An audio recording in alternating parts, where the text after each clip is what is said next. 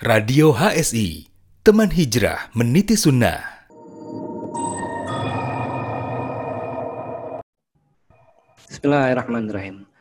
Assalamualaikum warahmatullahi wabarakatuh. Alhamdulillahi ala ihsani wa syukru lahu ala taufiqi wa amtinani. Asyhadu an la ilaha illallah wahdahu la syarika lahu ta'ziman li sya'ni. Wa asyhadu anna Muhammadan abduhu wa rasuluhu da'ila ridwani. Allahumma sholli alaihi wa ala alihi wa ashabihi wa ikhwani.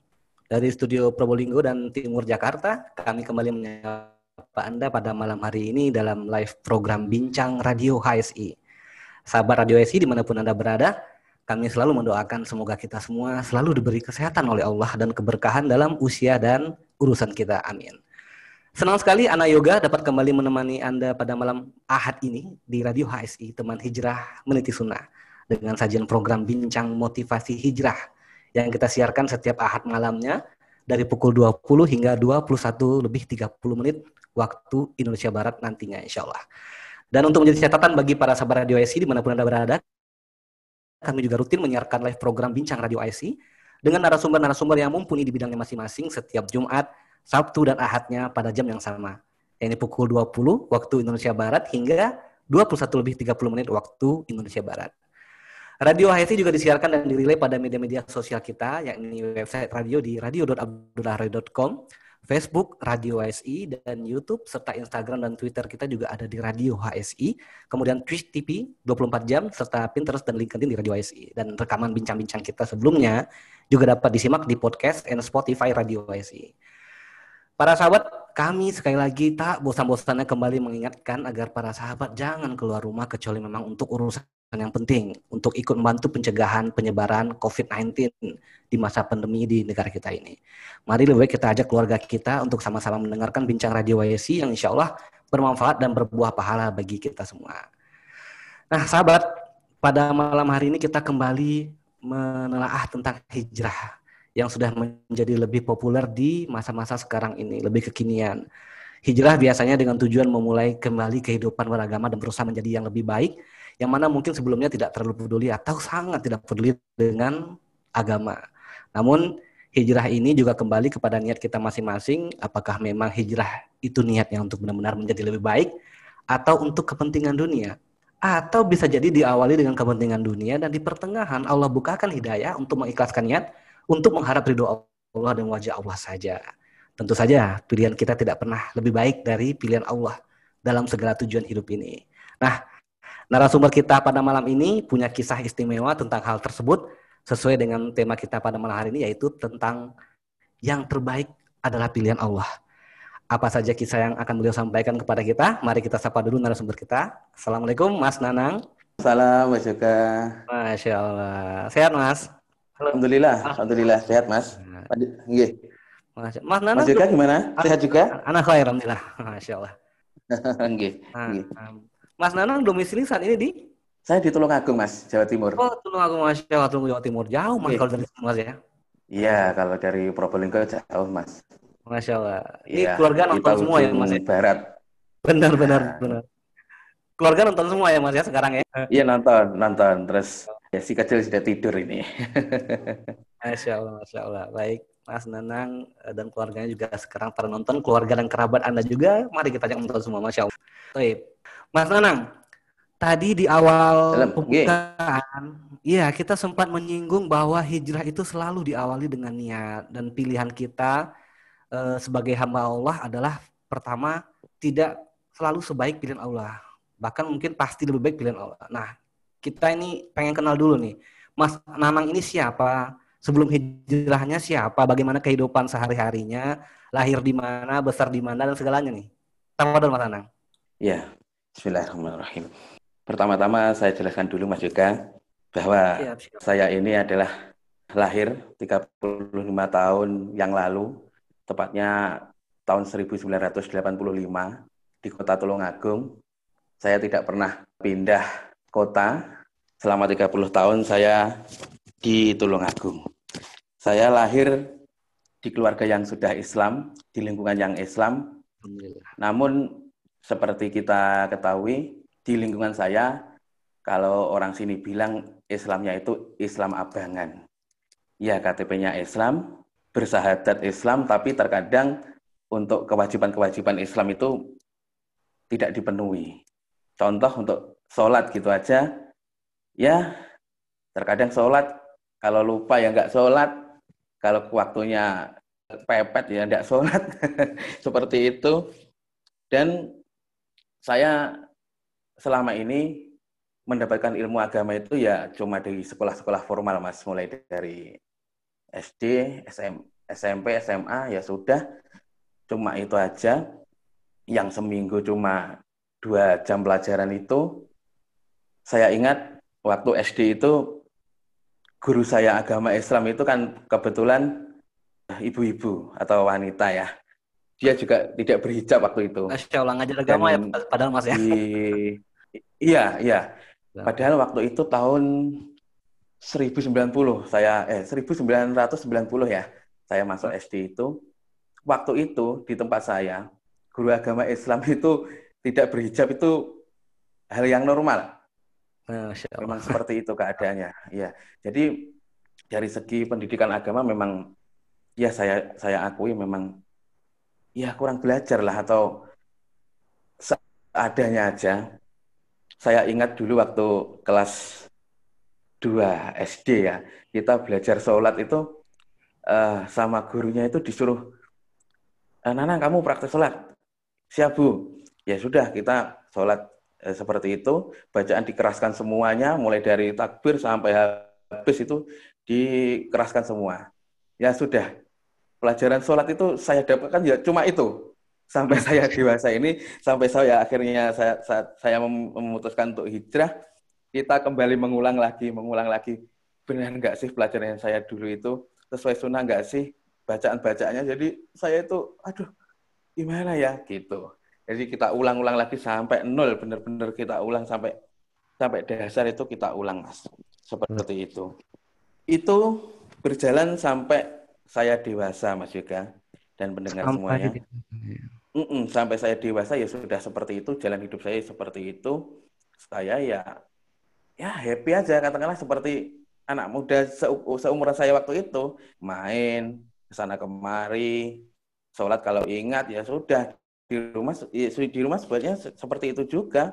Orang tua juga tidak begitu perhatian ya, tidak tidak begitu perhatian dengan sholat.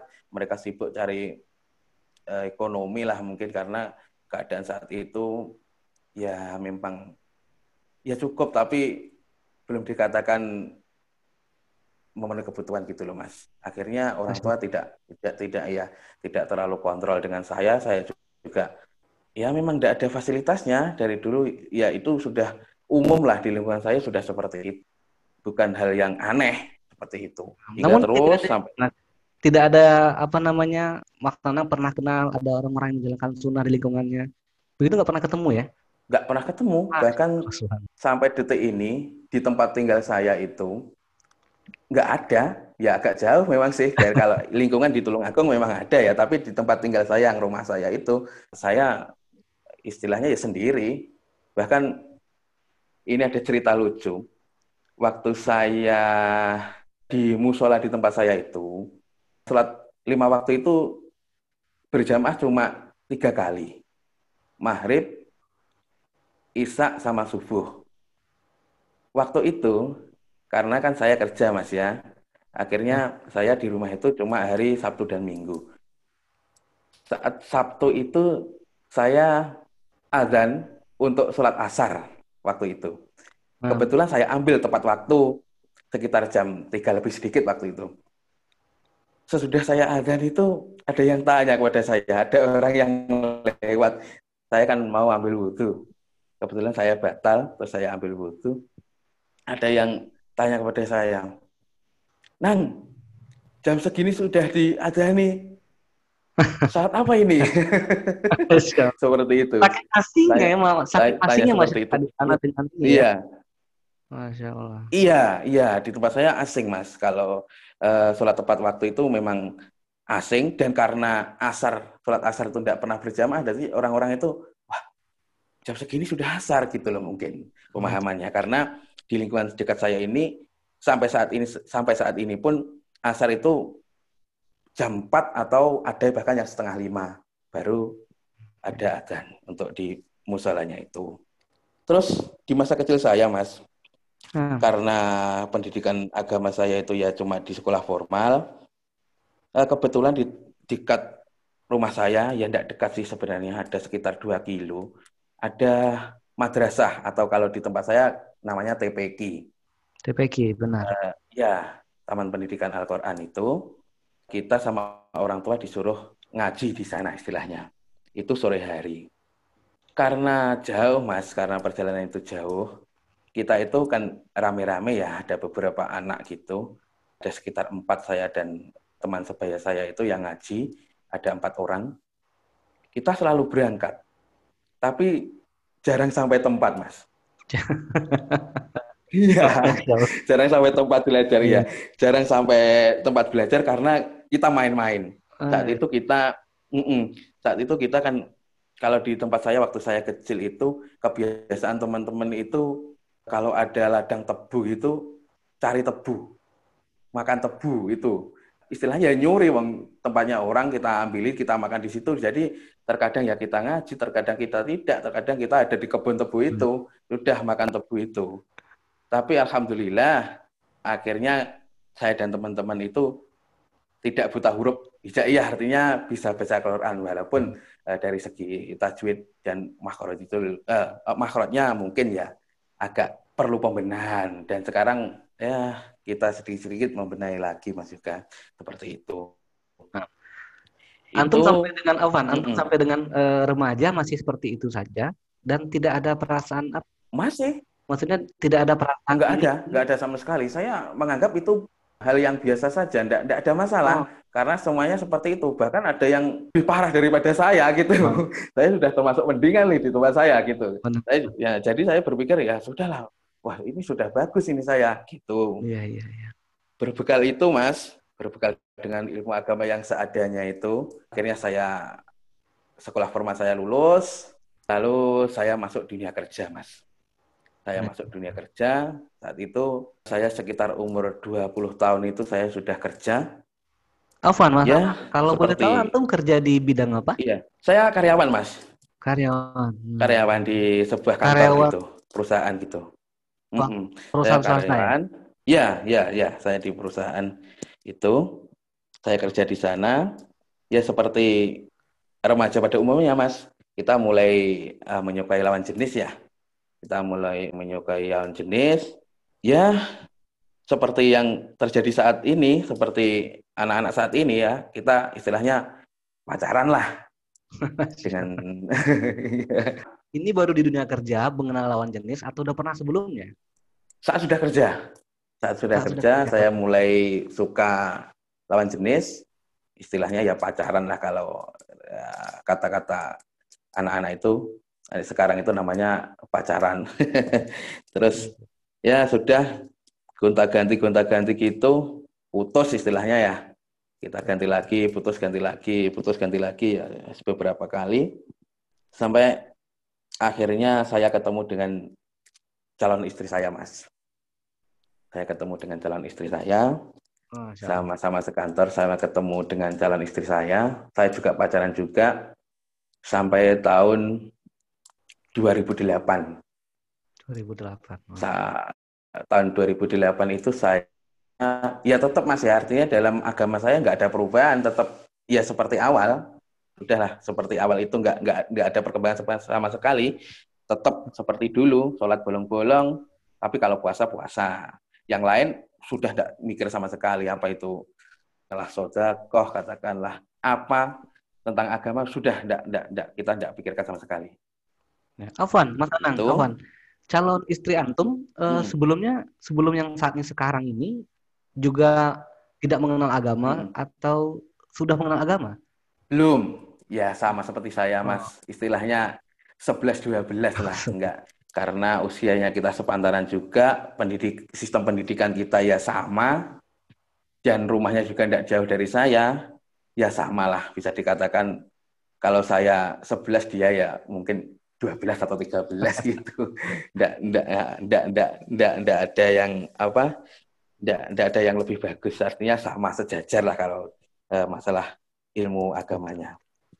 Tapi alhamdulillah Mas, artinya walaupun saya katakanlah sering jatuh cinta gitu dengan dengan teman-teman wanita saya. Alhamdulillah saya saya sangat saya syukuri sampai detik ini sangat saya syukuri saya tidak pernah melakukan hal-hal yang bisa dikatakan dosa besar gitu mas istilahnya ember masuk sumur gitu saya tidak pernah ya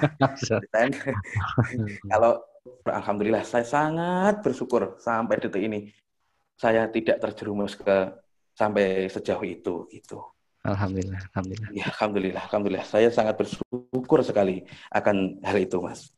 Terus akhirnya saya memutuskan menikah di tahun 2008 dengan istri, uh, dengan pacar saya itu yang sekarang setelah, jadi istri saya. Setelah sekian lama setelah sekian lama pacaran, Mas ya? Sekitar saya pacaran 2006. Dua 2000 Iya, dua tahun. Dua tahun saya, saya akhirnya memutuskan menikah. Kenapa, Mas?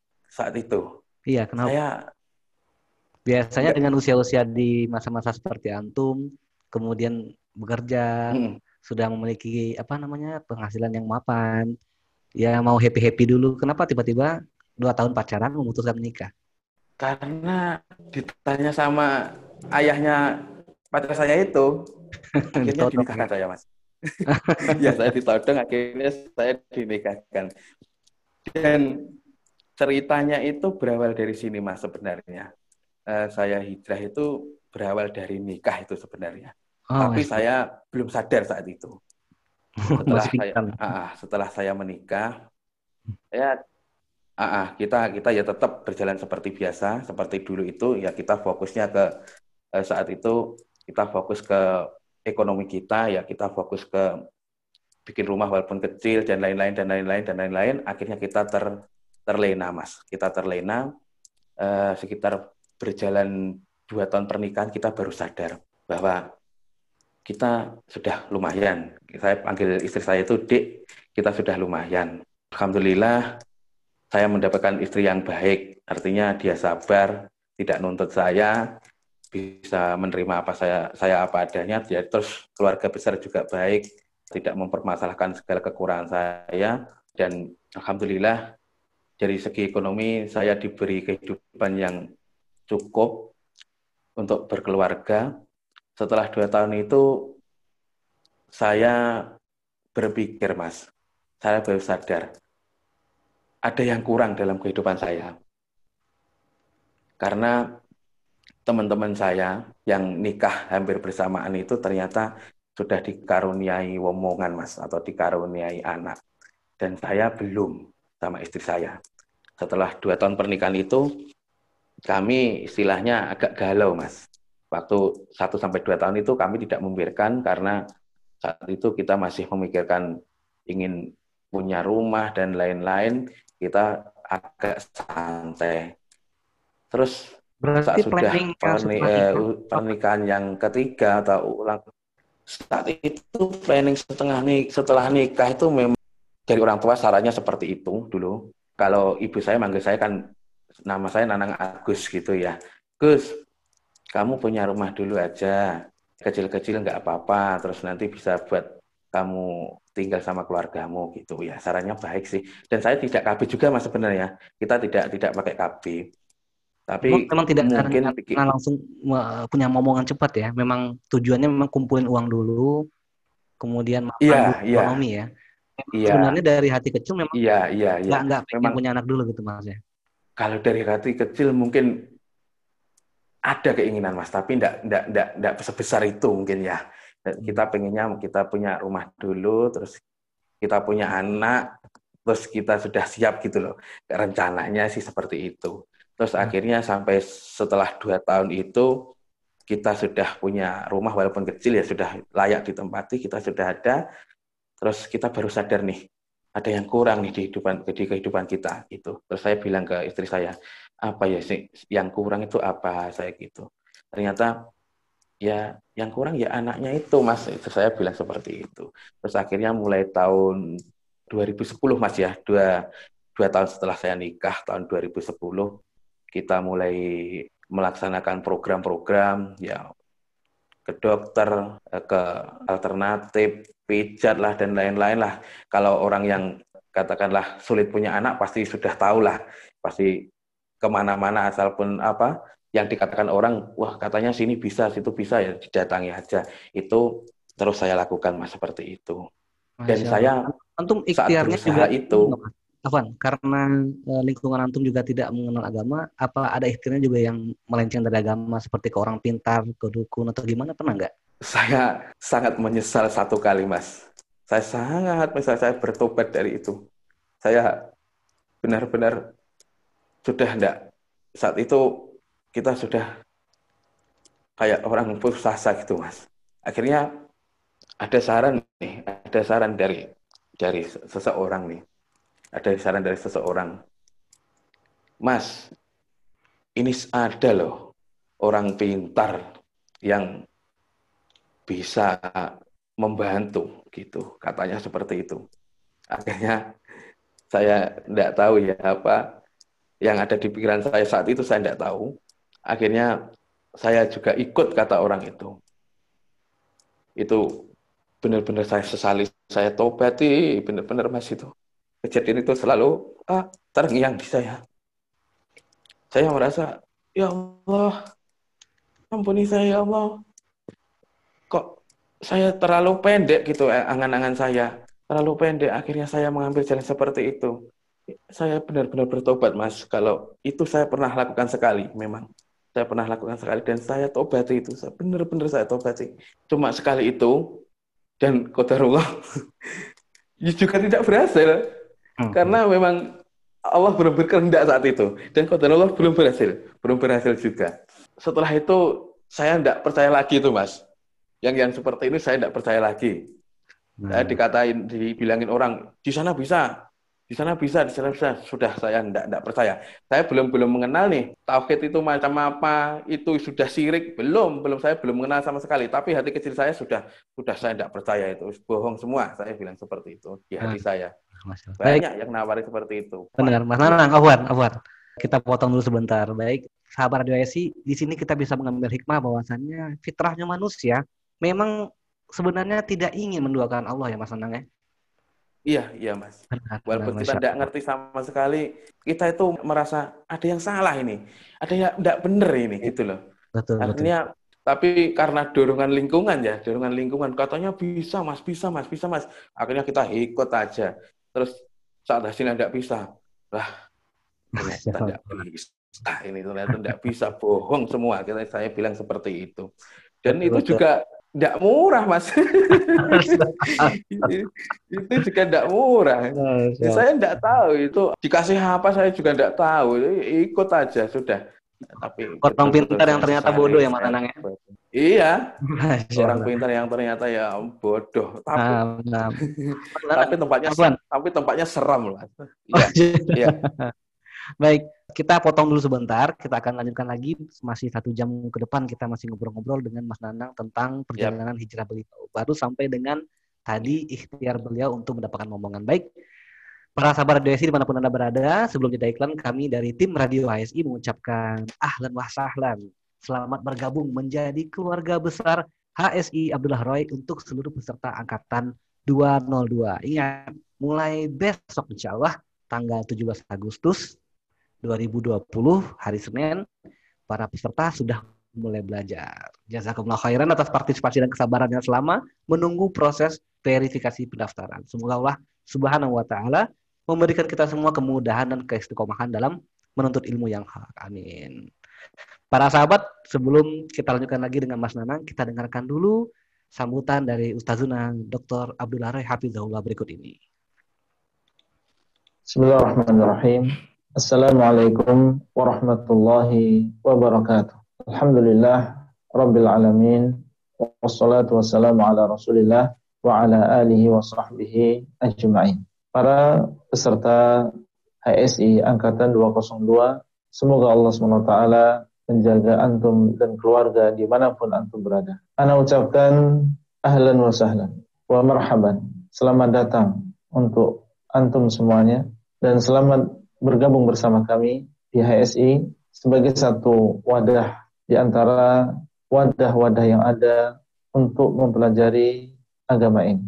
Dan saya sangat salut dengan semangat para ikhwah dan juga para akhwat Bapak dan juga Ibu sekalian, saudara dan saudari sekalian, di mana di tengah-tengah musibah, di tengah-tengah pandemi ini antum masih semangat untuk mempelajari agama Allah.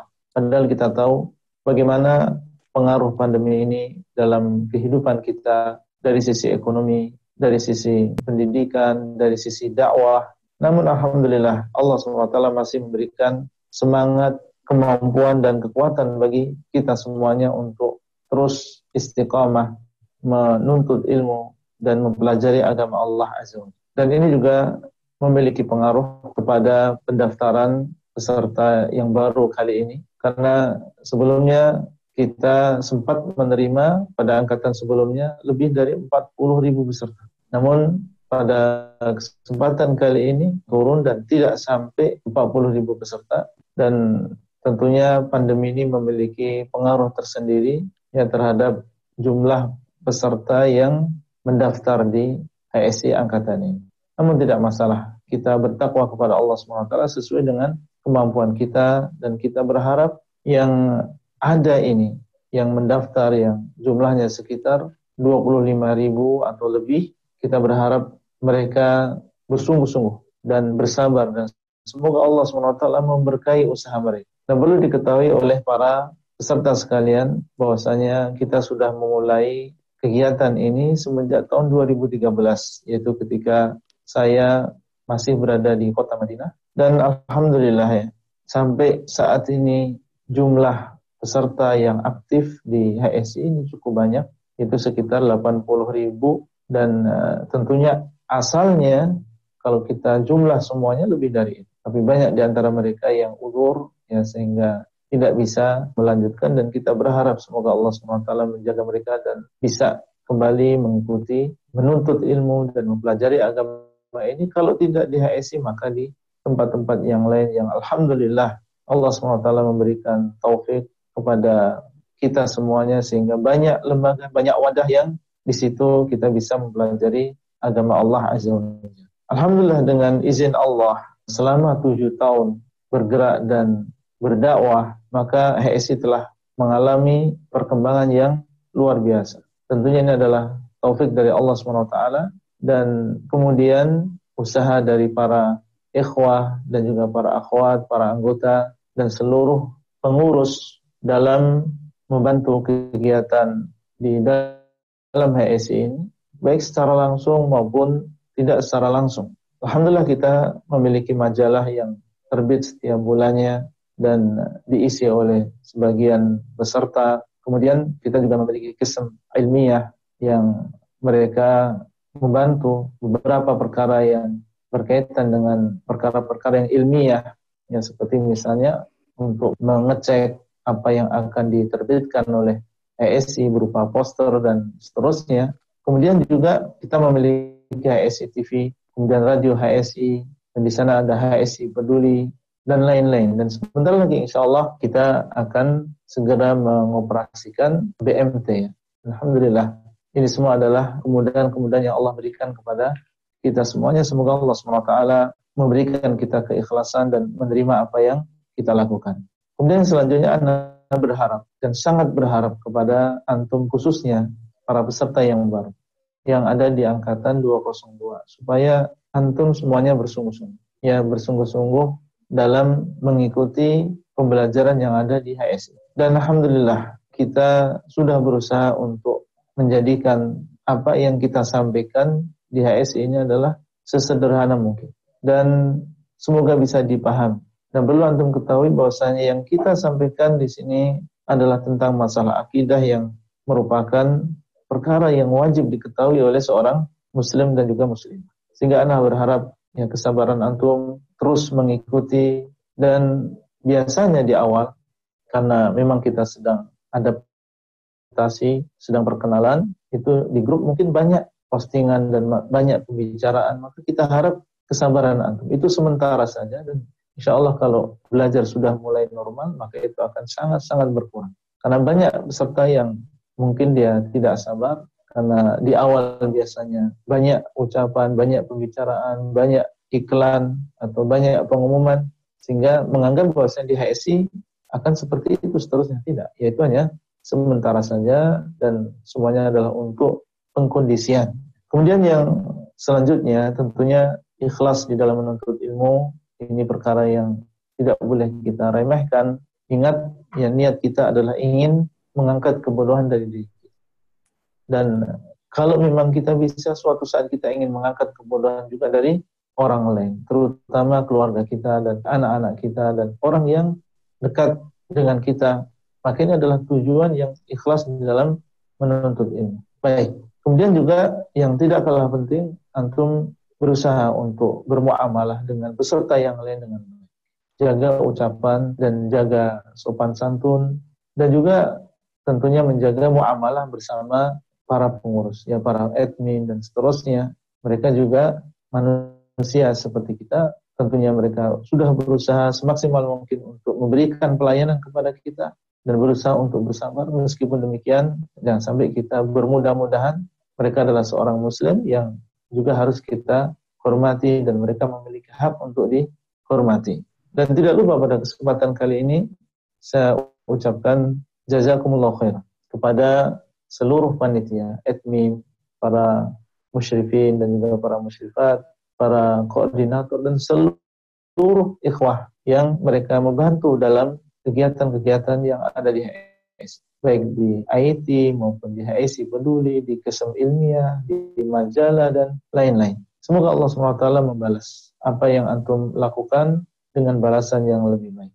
Itu yang hanya bisa anda lakukan dan uh, semoga Allah SWT memberikan taufik kepada kita semuanya untuk melakukan apa yang dicintai oleh Allah dan diridai oleh Allah Azza wa Jal dan uh, selamat bekerja untuk para ikhwah sekalian khususnya para admin semoga Allah SWT memudahkan antum dan memudahkan urusan antum dan memberkahi antum dan keluarga. Seolah tidak ada yang sia-sia di sisi Allah Azza wa Waktu yang antum gunakan untuk memberikan pelayanan kepada para peserta itu adalah waktu yang insya Allah berbarokah, bukan waktu yang sia-sia karena digunakan untuk membantu saudara-saudara kita yang mereka mau mempelajari agama ini. Demikian yang bisa Anda sampaikan pada kesempatan kali ini.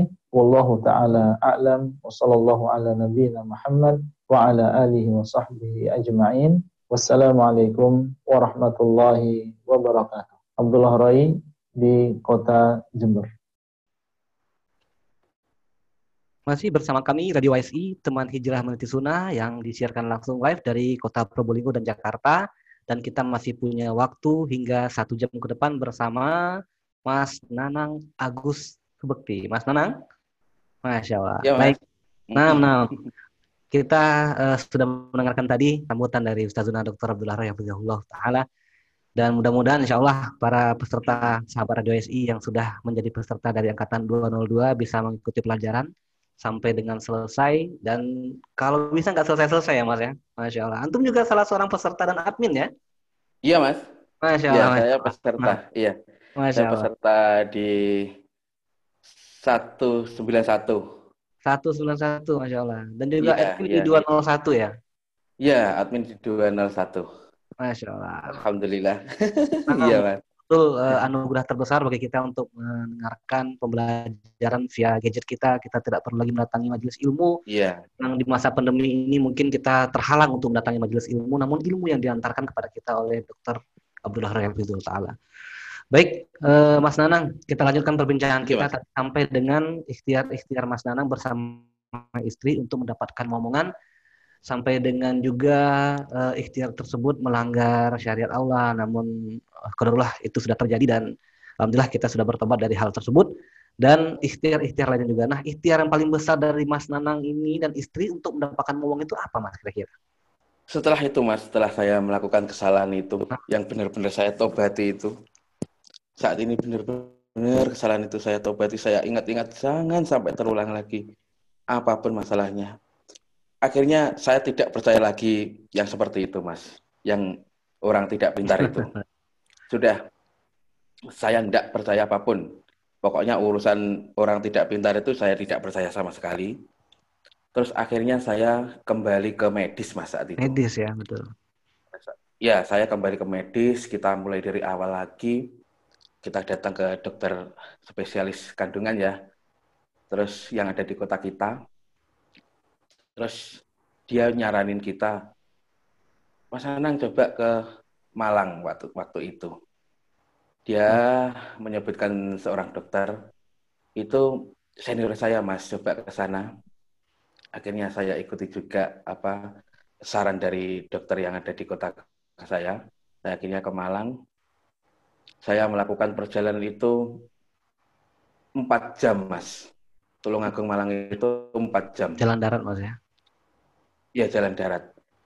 Kita habis kerja berangkat sampai sana sekitar jam 7 ya. Jam, jam 7 malam dokternya praktek kita sesudah ketemu konsul kita balik lagi ke Tulungagung 4 jam lagi. Ya sekitar jam 12-an lah jam 12 jam 1 itu sudah eh, sambil kita istirahat juga. Itu terus terjadi selama beberapa bulan lah mas ya. Beberapa bulan. Oh, intens mas ya? Intens apa? Datang terus ke Malang itu intens ya? Bukan satu kali aja ya? Intens intens. Oh, sampai beberapa bulan memang diprogram sama dokternya. Nanti tanggal segini Pak Nanang datang sama istri ya siap dok. Tanggal segini segini kita ikuti terus saran dari dokter itu. Terus akhirnya kita dalam program awal itu Mas ya, yang program ke Malang itu kita Allah juga belum berhasil juga. Akhirnya kita tidak terus ke Malang, kita kembali lagi ke Tulungagung. Kita hmm. cari dokter spesialis yang lain ada empat atau berapa sudah kita coba semua, kita coba semua, kita kembali program ke dari dokter satu ke dokter lain, dokter satu ke dokter lain, gagal ganti, gagal ganti, gagal ganti, sudah dan sampai titik ini kehidupan beragama saya belum berubah. Masih begitu-begitu aja, Mas? Masih begitu-begitu aja. Kita juga mengesampingkan doa ya saat itu, kita hampir-hampir lupa berdoa. Kelihatannya seperti itu. Sudah kita yang penting berusaha aja. Kita berpikir bahwa yang menentukan itu adalah usaha kita. Jadi terus kita berusaha, kita berusaha, kita berusaha sampai akhirnya pada titik tempat kita juga di Tulungagung suruh kita tes gitu mas ya. Istilahnya tes apa saya tidak tahu. Kita dikasih surat rujukan kita tes berdua kita tes. Akhirnya setelah tes berhasil mas tes tes kita lalui nih kita lalui ada hasilnya kita bawa ke dokter itu tadi.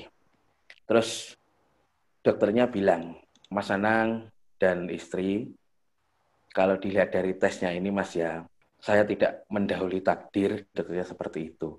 Tapi kemungkinan jika menurut hasil tes ini ya sesuai dengan ilmu yang kita ketahui untuk kehamilan normal itu kelihatannya sulit dan peluangnya kecil. Subhanallah. yang bermasalah siapa mas kalau kata dokternya? Apakah memang dua-duanya bermasalah atau salah satunya bermasalah atau bagaimana? Salah satu dari kami bermasalah mas. Yang mengakibatkan katanya dokter ya katanya dokter sesuai dengan hasil itu kehamilan normal itu sulit atau kemungkinannya kecil. Dokter bilang seperti itu. Sama dokternya memang dikemas dengan baik. Walaupun dokternya bilang gitu kita nggak nggak begitu dan ya katakanlah memang dikemas dengan baik lah dikemas dengan baik. Terus dokternya bilang gini aja Mas Anang tak kasih obat lagi nih eh, sesudah itu kembali lagi ke saya eh, tanggal segini katakanlah gitu ya. Saya lupa tanggalnya waktu itu. Terus kita kembali lagi ke dokternya. Dokternya bilang ke saya gini Pak Ranang karena hasilnya kemarin seperti yang kita bilang ini kemungkinan untuk kehamilan normal itu eh, kecil saya punya saran. Kalau Pak Nanang mau salah satu cara yang bisa ditempuh Pak Nanang dan istri supaya dikaruniai momongan itu Pak Nanang cobalah bayi tabung. Bayi tabung. Iya. Dokternya bilang seperti itu. Pak Nanang coba bayi tabung. Saya tanya kepada dokter, dok, kira-kira estimasinya berapa? Saya kurang tahu Pak Nanang coba nanti tanya lagi ke dokternya saya sudah dikasih rumah sakitnya di Surabaya, hmm. suruh datang ke sana, coba tanya tanya langsung aja ke sana Pak Nanang. Terus eh, untuk untuk keberhasilannya dia juga juga bilang untuk keberhasilannya ya kita tidak bisa jamin. Beliau menyarankan saya bayi tabung itu beliau juga tidak menjanjikan artinya itu usaha yang bisa ditempuh adalah bayi tabung gitu, Betul. gitu mas. Kalau beliau sudah bilang bahwa untuk kehamilan normal itu kelihatannya kemungkinannya kecil. Jadi mungkin beliau karena saya sudah sering ke sana dan bolak balik ke sana ke beliau ya ke dokternya itu beliau akhirnya menyarankan saya untuk bayi tabung itu. Terus akhirnya itu sekitar tahun 2014 mas. 2014.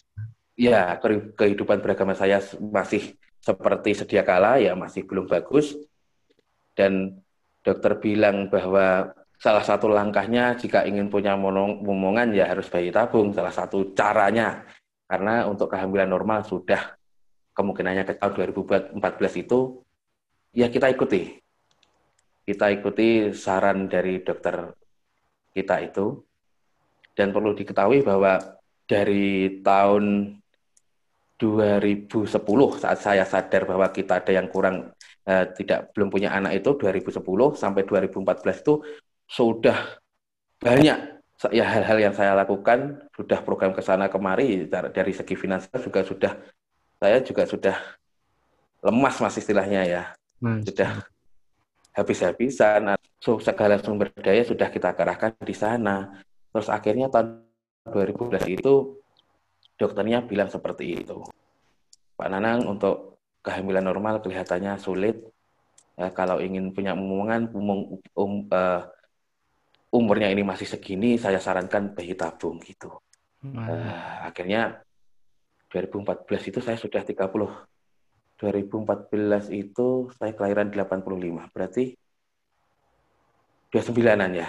29. Afwan, selama, saya pokoknya. Ah.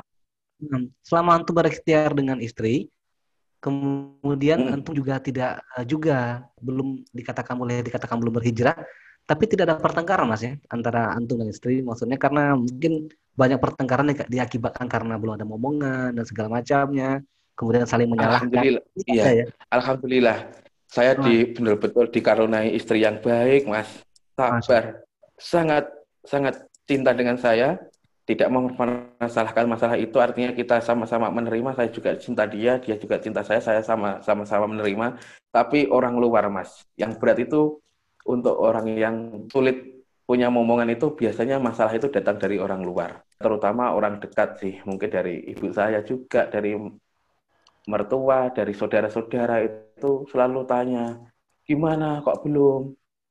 Ayo dong dibikin. Saya juga marah mas kalau dibikin. Emangnya dibikinnya apa? Gimana saya bikin? Kalau bisa saya beli, saya beli itu bayi. Saya bilang seperti itu. Dan saya selama itu mas, saya memang agak menjauhi uh, dari kerabat-kerabat saya. Saya tidak tidak bersilaturahmi bukan karena apa-apa. Karena saya itu selalu ditanya. Dan kalau saya ditanya itu walaupun dia itu maksudnya baik, saya itu sakit hati dalam pikiran saya, kamu itu keluarga saya kok nggak ngerti perasaan saya sih? Seperti itu sebenarnya. Selalu ditanya, terus terus dibilang, itu saudaramu yang itu baru nikah sudah punya momongan. Yang sana baru nikah sudah punya momongan. Itu benar-benar sangat menusuk di hati kami saat itu. Uh, dan mungkin dirasakan oleh teman-teman uh, yang merasakan seperti kami dulu. Itu mas kejadiannya. Uh, selama belum punya momongan itu. Terus kembali lagi ke itu Mas, ke masalah bayi tabung itu. Dari 2014 itu akhirnya setelah disarankan oleh Pak Dokter, akhirnya kita datang ke rumah sakit yang dirujuk itu.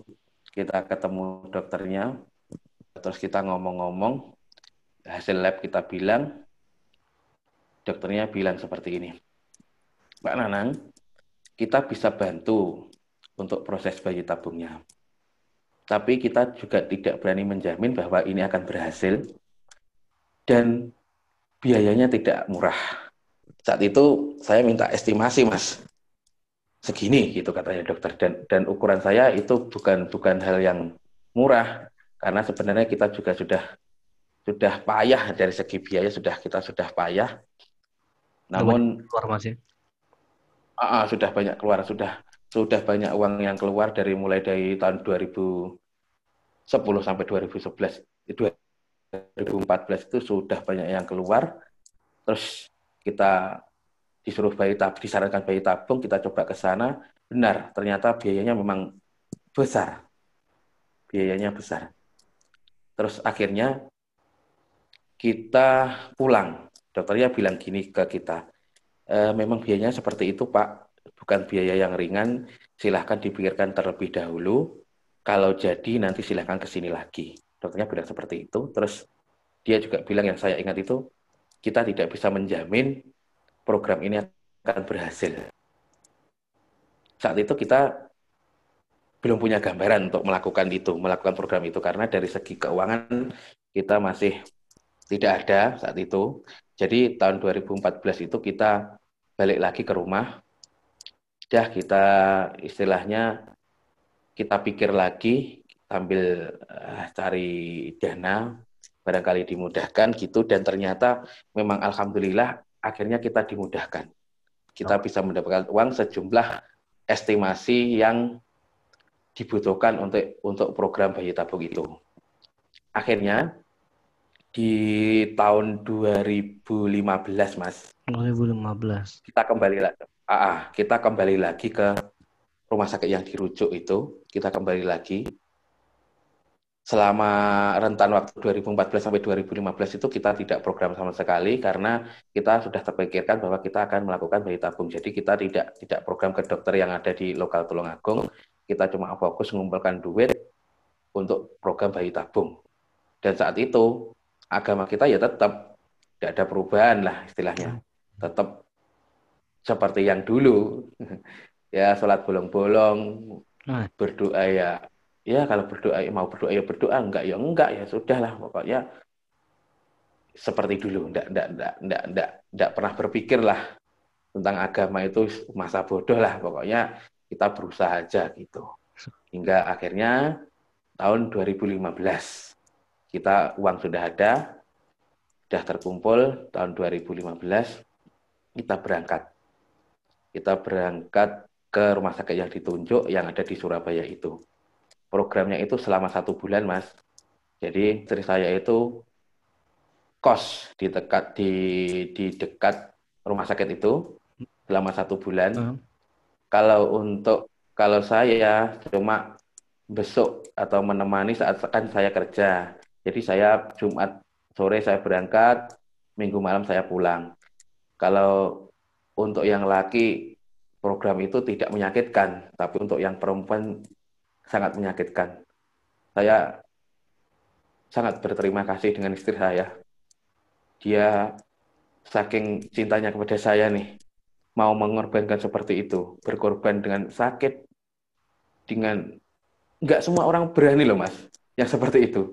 Ya. Nggak semua orang berani karena kita itu kan banyak, walaupun dia punya uang, dia punya dana, tapi pihak perempuan itu jarang sedikit yang berani karena karena saya sudah terlalu lama tidak punya momongan mas ya artinya kita itu ada komunitasnya si siapa siapa gitu kan saking apa seringnya ketemu di dokter itu loh untuk program itu akhirnya kita saling kenal saling kenal saling kenal gitu. Terus itu juga ada yang berani ada yang tidak. Istri saya termasuknya eh, termasuk orang yang nekat ya. Yang nekat dia berani pokoknya demi yang terbaik bagi kita dia ikut aja sudah. Kamu berani deh saya bilang itu berani mas sudahlah kita lakukan aja yang terbaik gitu. Nah daripada nanti kita menyesal mumpung kita masih muda mumpung kita juga masih punya dananya udah kita lakukan aja. Itu satu bulan di sana istri saya. Saya besok setiap minggu aja.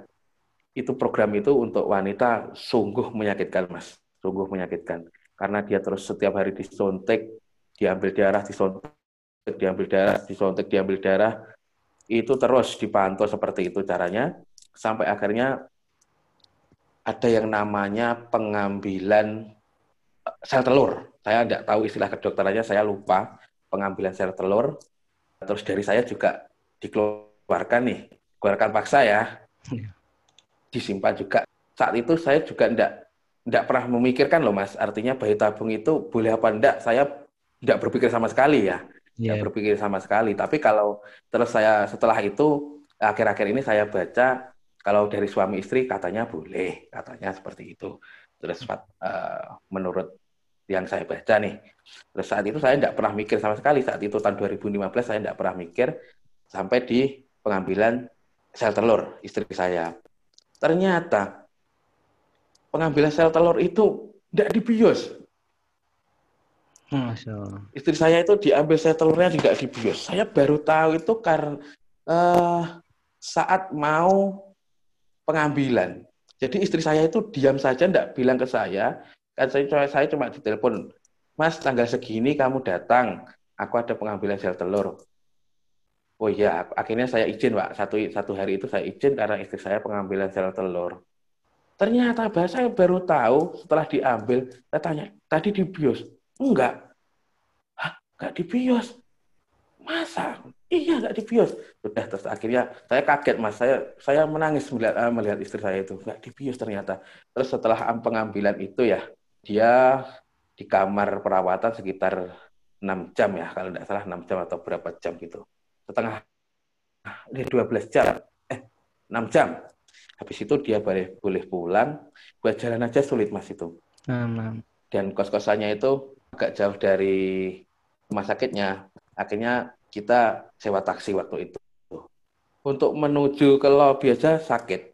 Terus itu saya itu sakit. Terus ya sudah kita akhirnya kita panggilkan taksi kita sampai ke kos-kosan itu. Ternyata sesudah itu istri saya itu demam. Dan saya harus pulang karena saya izin saya itu cuma satu hari. Akhirnya saya pulang. Pulang ke rumah. Dan istri saya benar akhirnya dia sakit. Tidak ada temannya mas di situ itu. Ya teman-teman yang lain itu kan semua di situ itu kan kos-kosan untuk yang program di sini eh, bayi tabung itu semua di sana itu sesama wanita yang mau program itu ada dia punya teman dekat karena selama 30 hari di sana dia punya teman dekat itu satu orang orang Lumajang. Ya akhirnya alhamdulillah dia istilahnya dirawat sama temannya yang di Luma, yang yang Lumajang itu. Terus akhirnya di minggu minggu saat saya libur di hari Jumatnya saya datang lagi sudah membaik Nah, itu saat pengambilan sel telur itu berarti kita sudah setengah jalan, Mas. Setengah jalan di program bayi tabung.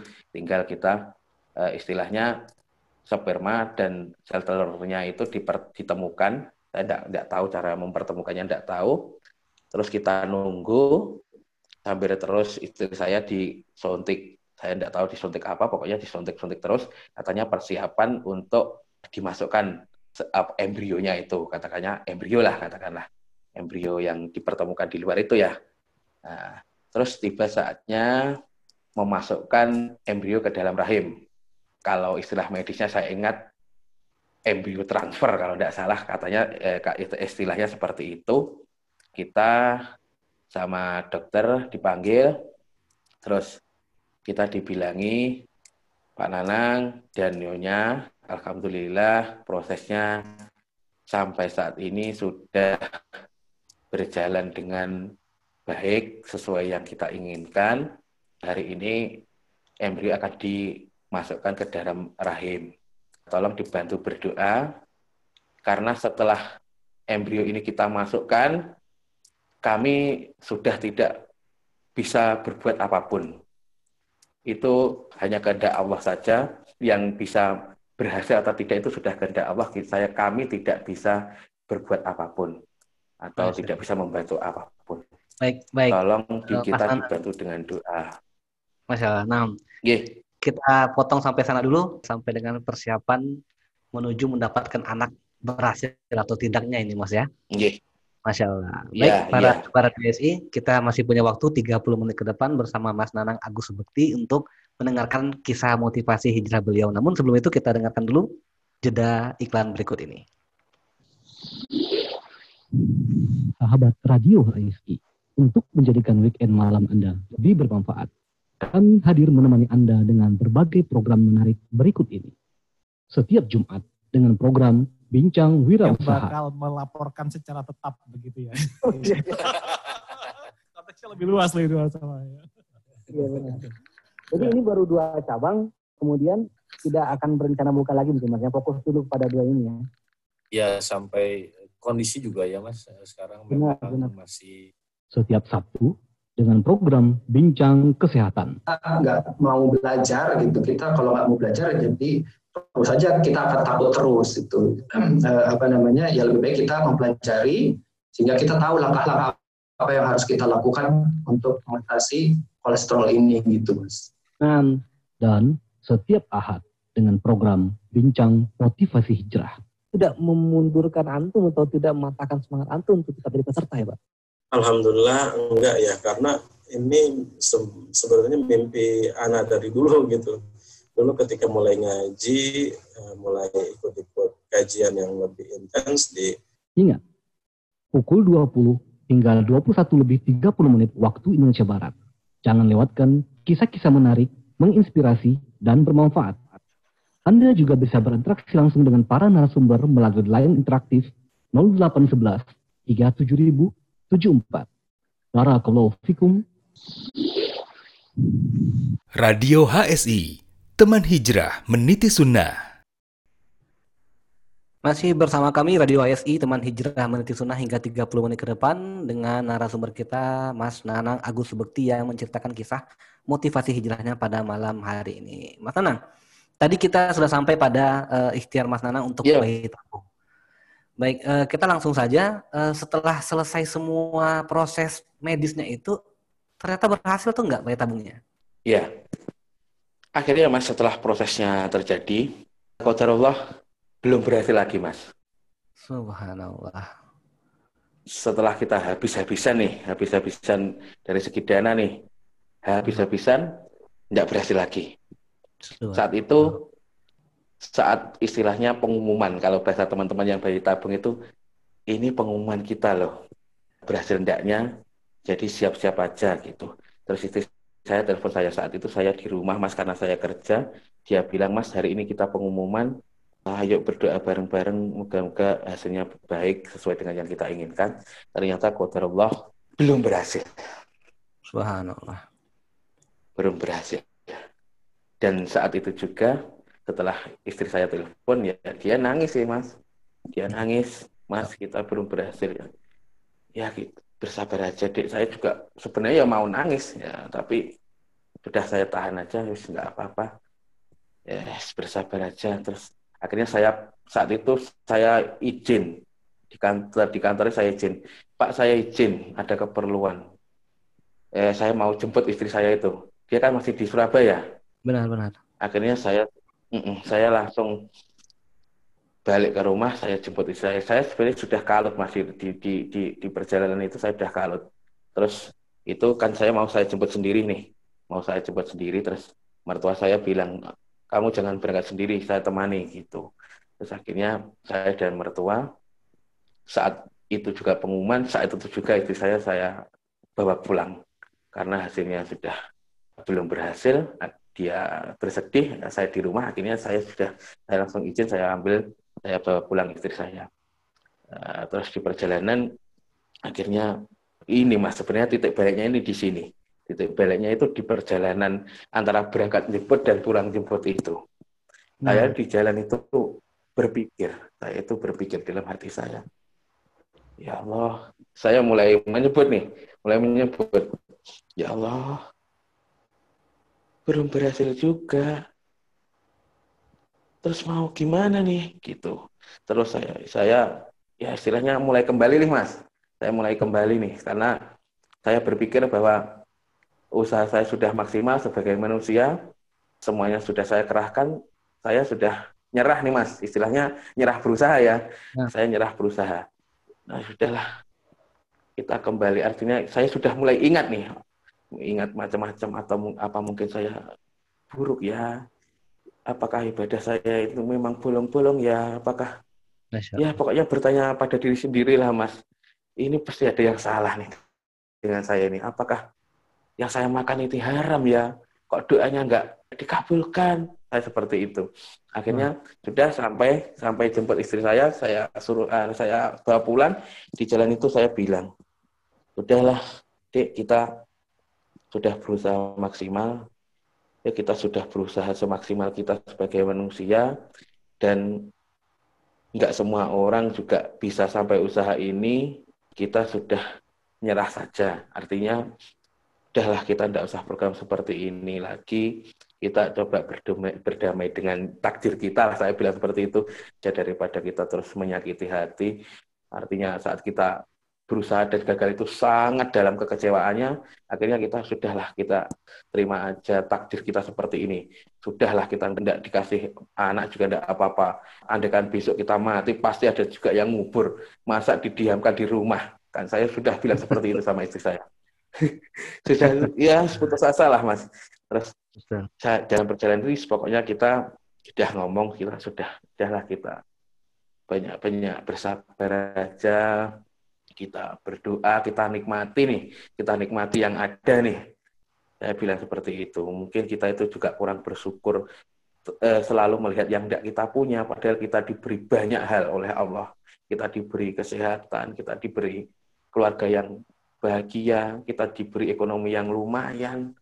Tapi kita selalu kacamata kuda nih, selalu berpikir yang tidak kita punya. Jadi kita itu kurang bersyukurnya. Udah kita nyerah saja. Kita nikmati hidup kita, kita berdamai dengan takdir kita, kita jalani aja kehidupan ini. Biar hasilnya seperti apa, kita tidak tahu. Yang penting kita sabar aja gitu, Mas. Ya. Terus setelah itu, Mas, kita sampai di rumah ya tahun 2015 awal itu. Tahun 2015 awal. Kita mulai belajar nih, Mas. Kita mulai belajar agama nih. Kita sudah mulai, karena kita sudah merasa mentok nih, tidak bisa usaha lain, sudah maksimal, kita mulai belajar agama, kita kembali lagi kita belajar-belajar agama yang pertama kali kita lihat atau yang kita cari itu perihal takdir mas waktu itu. Takdir ini seperti apa sih sebenarnya gitu loh mas. Dan hmm. alhamdulillah eh, saya itu dimudahkan mas. Saya searching-searching di YouTube itu ketemunya ya pas kebetulan Ustadz Sunnah bahas takdir nih, bahas, bahas, bahas takdir ya alhamdulillah ya, alhamdulillah uh, Allah menunjukkan saya jalan nih. Hmm. Padahal kan di YouTube itu kan harusnya banyak kan ceramah-ceramah ya. Betul betul. Terus betul. kebetulan saya itu dapat uh, dapat konten itu dari Ustadz Sunnah yang bahas masalah takdir. Saat itu saya dengarkan bahwa takdir itu sudah ditulis 50 ribu tahun sebelum penciptaan langit dan bumi. Betul. Wah, berarti takdir saya ya sudah ditetapkan ini. Akhirnya setelah itu mas saya ya sudahlah. Saya bisa mulai menerima keadaan semakin tenang semakin tenang semakin tenang. Terus dari takdir itu dari masalah takdir itu kita melebar ke rukun iman yang lainnya mas. Dari ke iman kepada Allah terus dengan ustaz juga mas? Ya ya tetap dengan ya, ustaz yang pertama itu. Ta tapi ya tetap dengan YouTube mas. Saya Betul dari YouTube ya belajar itu dari YouTube. Pertama kali saya belajar dari YouTube kita mulai dari tauhid tauhid rububiyah uluhiyah asma dan sifat. Saya tidak ada penolakan sama sekali tentang masalah itu. Hati saya ya sudah masuk begitu aja. Enak masuk ya, masuk. Masuk tidak ada penolakan tidak ada apa. Ya alhamdulillah sih semuanya terisi. Tidak ada penolakan di hati saya. Akhirnya kita mulai sedikit sedikit paham mas. Terus dengan paham pemahaman itu yang teman saya itu kan kalau saya di kantor kan selalu di kantor kan selalu dengarkan ceramah itu. Betul. Nah, teman saya bilang ke saya, kamu itu belajarnya di madrasah YouTubiyah gitu. Tidak apa-apa. Yang penting saya dapat ilmunya. saya di, dibilang seperti itu. Nah, kamu itu belajar di madrasah YouTubiyah nanti malah tidak tersesat kamu nanti gitu teman saya. Tapi saya sudah merasa nih bahwa sunnah ini saya bisa menerima dengan bagus. Artinya saya di hati saya itu masuk. Artinya di logika saya ya enak. Ada dalil, ada ayat, ada hadis, ada dalil, ada ayat, ada hadis. Dan semua itu sangat enak. Saya dengarkan itu sangat masuk di hati saya. Tidak, tidak ada penolakan, ya sudah saya ikuti, gini, gini, gini, gini. Terus akhirnya dengan banyak dengerin apa uh, di YouTube itu akhirnya amalan saya mulai sedikit demi sedikit membaik mas mulai dari sholat kita terap lima kali terus meningkat lagi ke masjid terus ya meningkat lagi meningkat meningkat meningkat gitu sampai Mana akhirnya di ini ya nggak ada keinginan untuk mencari kajian-kajian yang uh, majelis ilmunya gitu di Tulungagung mas? Belum mas. Saya saat itu saya belum berpikiran karena saya merasa wah saya sudah cocok ini uh, kajian di YouTube ini yang Ustadz Sunah ini ya sudah saya tidak tidak tidak mencari yang lain dan di YouTube pun saya tidak sampai detik itu sampai sampai saat itu sampai tahun 2016 ya. 2015 sampai 2016 itu saya tidak pernah pindah ke Ustadz tetap satu Ustadz itu. Terus saya ikuti apa video-videonya saya ikuti terus ya sebagai paham saya tidak paham bah tapi pokoknya saya ikuti terus sampai akhirnya di tahun 2016 kami berpikiran untuk umroh, Mas. Masya Allah. Saat itu karena kita pengennya gini, kita kan umurnya semakin tua nih. Amal kita kita sudah membuang umur nih, kita sudah membuang umur sampai umur 30 lebih kita tetap segini-gini aja. Terus kita mau pahala yang banyak. Nah, saat itu kita dengarkan satu kali sholat di Masjidil Haram 100 ribu. Wah, nah ini kita semangat mas. Kita mau ngejar pahala nih. Nah, kalau kalau kalau nggak ada kalau nggak ke sana lah nanti kita nggak bisa nggak bisa nutupi. Artinya kita rugi nih. Coba lah kita hmm. apa kita cari pahala sebanyak-banyaknya. Kita juga berpikiran wah kalau kita ndak ada anak nanti siapa yang doain kita kalau kita sudah mati? Kalau ndak kita ada amal kita sendiri. Jadi kita saya dan istri ya maunya beramal aja. Maunya beramal dapat pahala. Nanti kalau kita mati ya kita apa? Kita bisa dapat hasilnya di sana. Terus ini yang mengiang di hati saya ini ceramah ini mas. Ustadz yang saya dengarkan itu kan bilang toh sudahlah hidup di dunia itu hanya sebentar. Paling 60 sampai 70 tahun aja. Sabarlah sabar. Sabar dalam ketaatan. Sabarlah menjalani ujian. Sabarlah menjauhi kemaksiatan. Kalau kita bisa seperti itu insya Allah mati masuk surga. Itu mas, yang ya. yang saya pegangi seperti itu. Saat itu saya hanya berpikir seperti itu. Sudah pokoknya saat hati saya tidak enak, saya bilang sabar, sabar, sabar, sabar gitu. Udahlah nang, hidup cuma sebentar. Toh kamu juga 30 lebih. Uh, sudah separuh katakanlah gitu. Ya. Kalau katakanlah diambil 60 ya sudah separuh. Ya sudahlah, kamu sabar aja menghadapi semuanya, sabar dalam ketaatan, menjauhi maksiat, sabar menghadapi menghadapi ujian terus pokoknya kamu sabar aja. Terus itu saya tanamkan di hati saya dan istri saya alhamdulillah kita hijrah bersama-sama. Terus akhirnya tahun 2016 itu kita ada niat untuk umroh. Lah saat itu kebetulan kita juga punya usaha jualan. Saat itu jualan mukena ya mas ya. Kita ada nah. usaha jualan mukena. Terus alhamdulillah kita itu di, dikasih kelancaran dari usaha itu benar-benar lancar saat itu. Akhirnya kita bisa mengumpulkan, mengumpulkan uang. Terus kita umroh di tahun 2017 awal. Kalau tidak Februari ya Januari ya. Januari kalau tidak Januari ya Februari saya lupa. Kita umroh backpacker saat itu. Kebetulan teman itu ada yang sudah biasa umroh backpacker. Kita cari tiket promo terus yang agak murah itu terus akhirnya kita sampai. Singkat cerita saya sampai di sana. Ya sudah mas kita alhamdulillah juga nih. Salah satu dari apa salah satu kita sudah mulai mengenal sunnah ya. Tapi saya manasik juga sudah belajar di YouTube saat itu. Kita sudah belajar di YouTube seperti ini seperti ini seperti ini. Sudah saya dengarkan terus bolak-balik kita dengarkan. Alhamdulillah juga ternyata yang ikut di umroh backpacker itu aja teman yang sudah sunnah mas. Yang sudah yang sudah lama uh, yang sudah lama sunnah, akhirnya saya ngikor ke dia, ngikor ke dia, saya ikut ini gini seperti ini Mas Anang, oh ya ya ya, terus ada saya ikut dia, terus kan ada tuh yang biasanya umroh satu kali uh, satu kali perjalanan itu dia ambil mikot lagi umroh lagi beberapa kali gitu loh mas. Terus saya bilang tanya sama orang anu teman saya itu pak kita umroh lagi enggak sudah lah satu kali perjalanan kita umroh satu kali aja gitu. Eh, terus akhirnya ya saya ikuti dia terus kita berbanyak aja tawaf sunnah. Oh iya. Terus ya terus sudah pas kita tawaf sunnah dan di saat tawaf itu kita berdoa sapu jagat itu Robbana atina fid dunya hasanah wa fil akhirati hasanah wa benar terus di sisi yang lain saya saya terus sama istri ya berdoa. Sebenarnya berdoanya memang karena kita yakin bahwa di tempat yang mustajab doa itu pasti dikabulkan, kita berdoanya memang minta momongan, Mas. Saya berdoa minta momongan.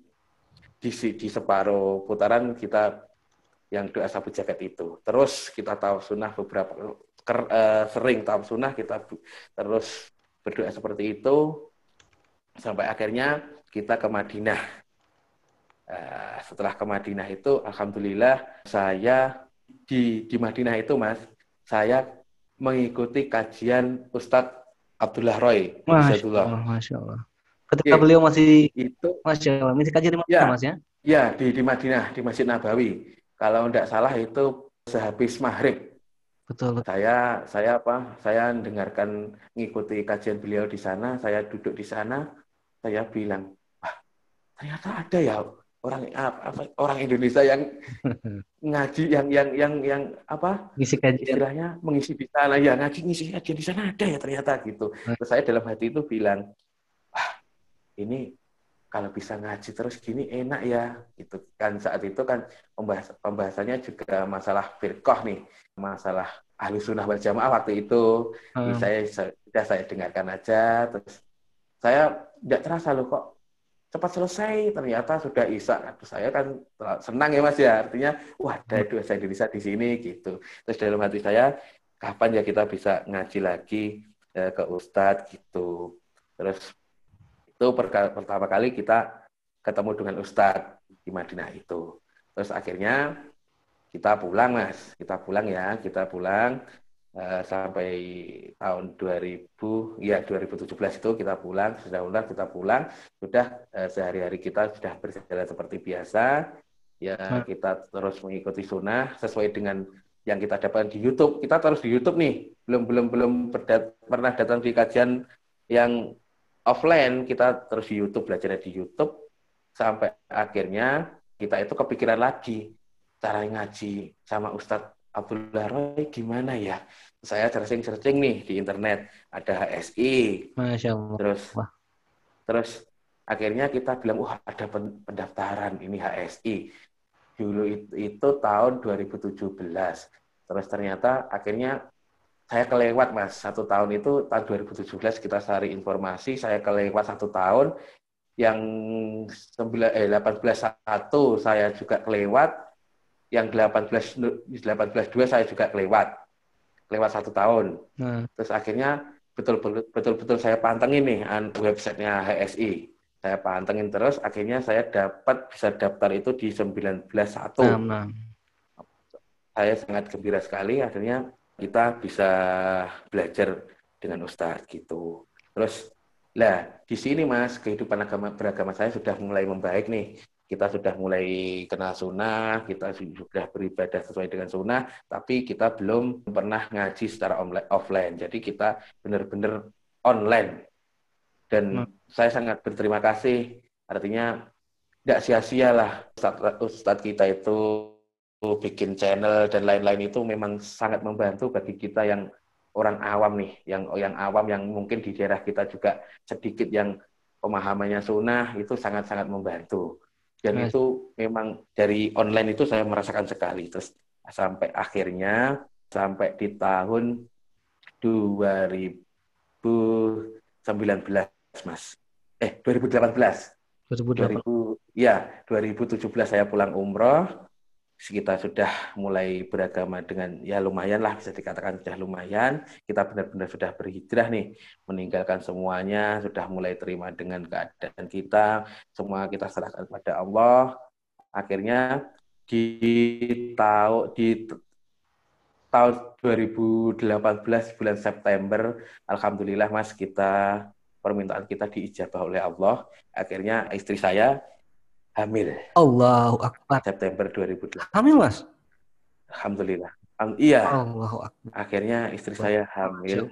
Saat itu kita tidak melakukan program sama sekali ya seperti uh, apa keluarga pada umumnya kita tidak program ke dokter tidak ke mana pun ya alami aja yang katanya dokter katanya kemungkinan kecil kalau Allah sudah berkehendak sangat mudah Allah. tidak memerlukan usaha yang yang sulit.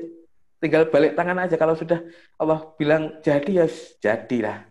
Dan itu benar-benar mas itu adalah sebuah hadiah buat saya mas. Jadi tidak ada alasan bagi saya untuk tidak meniti jalan sunnah ini mas. Dan yang banyak.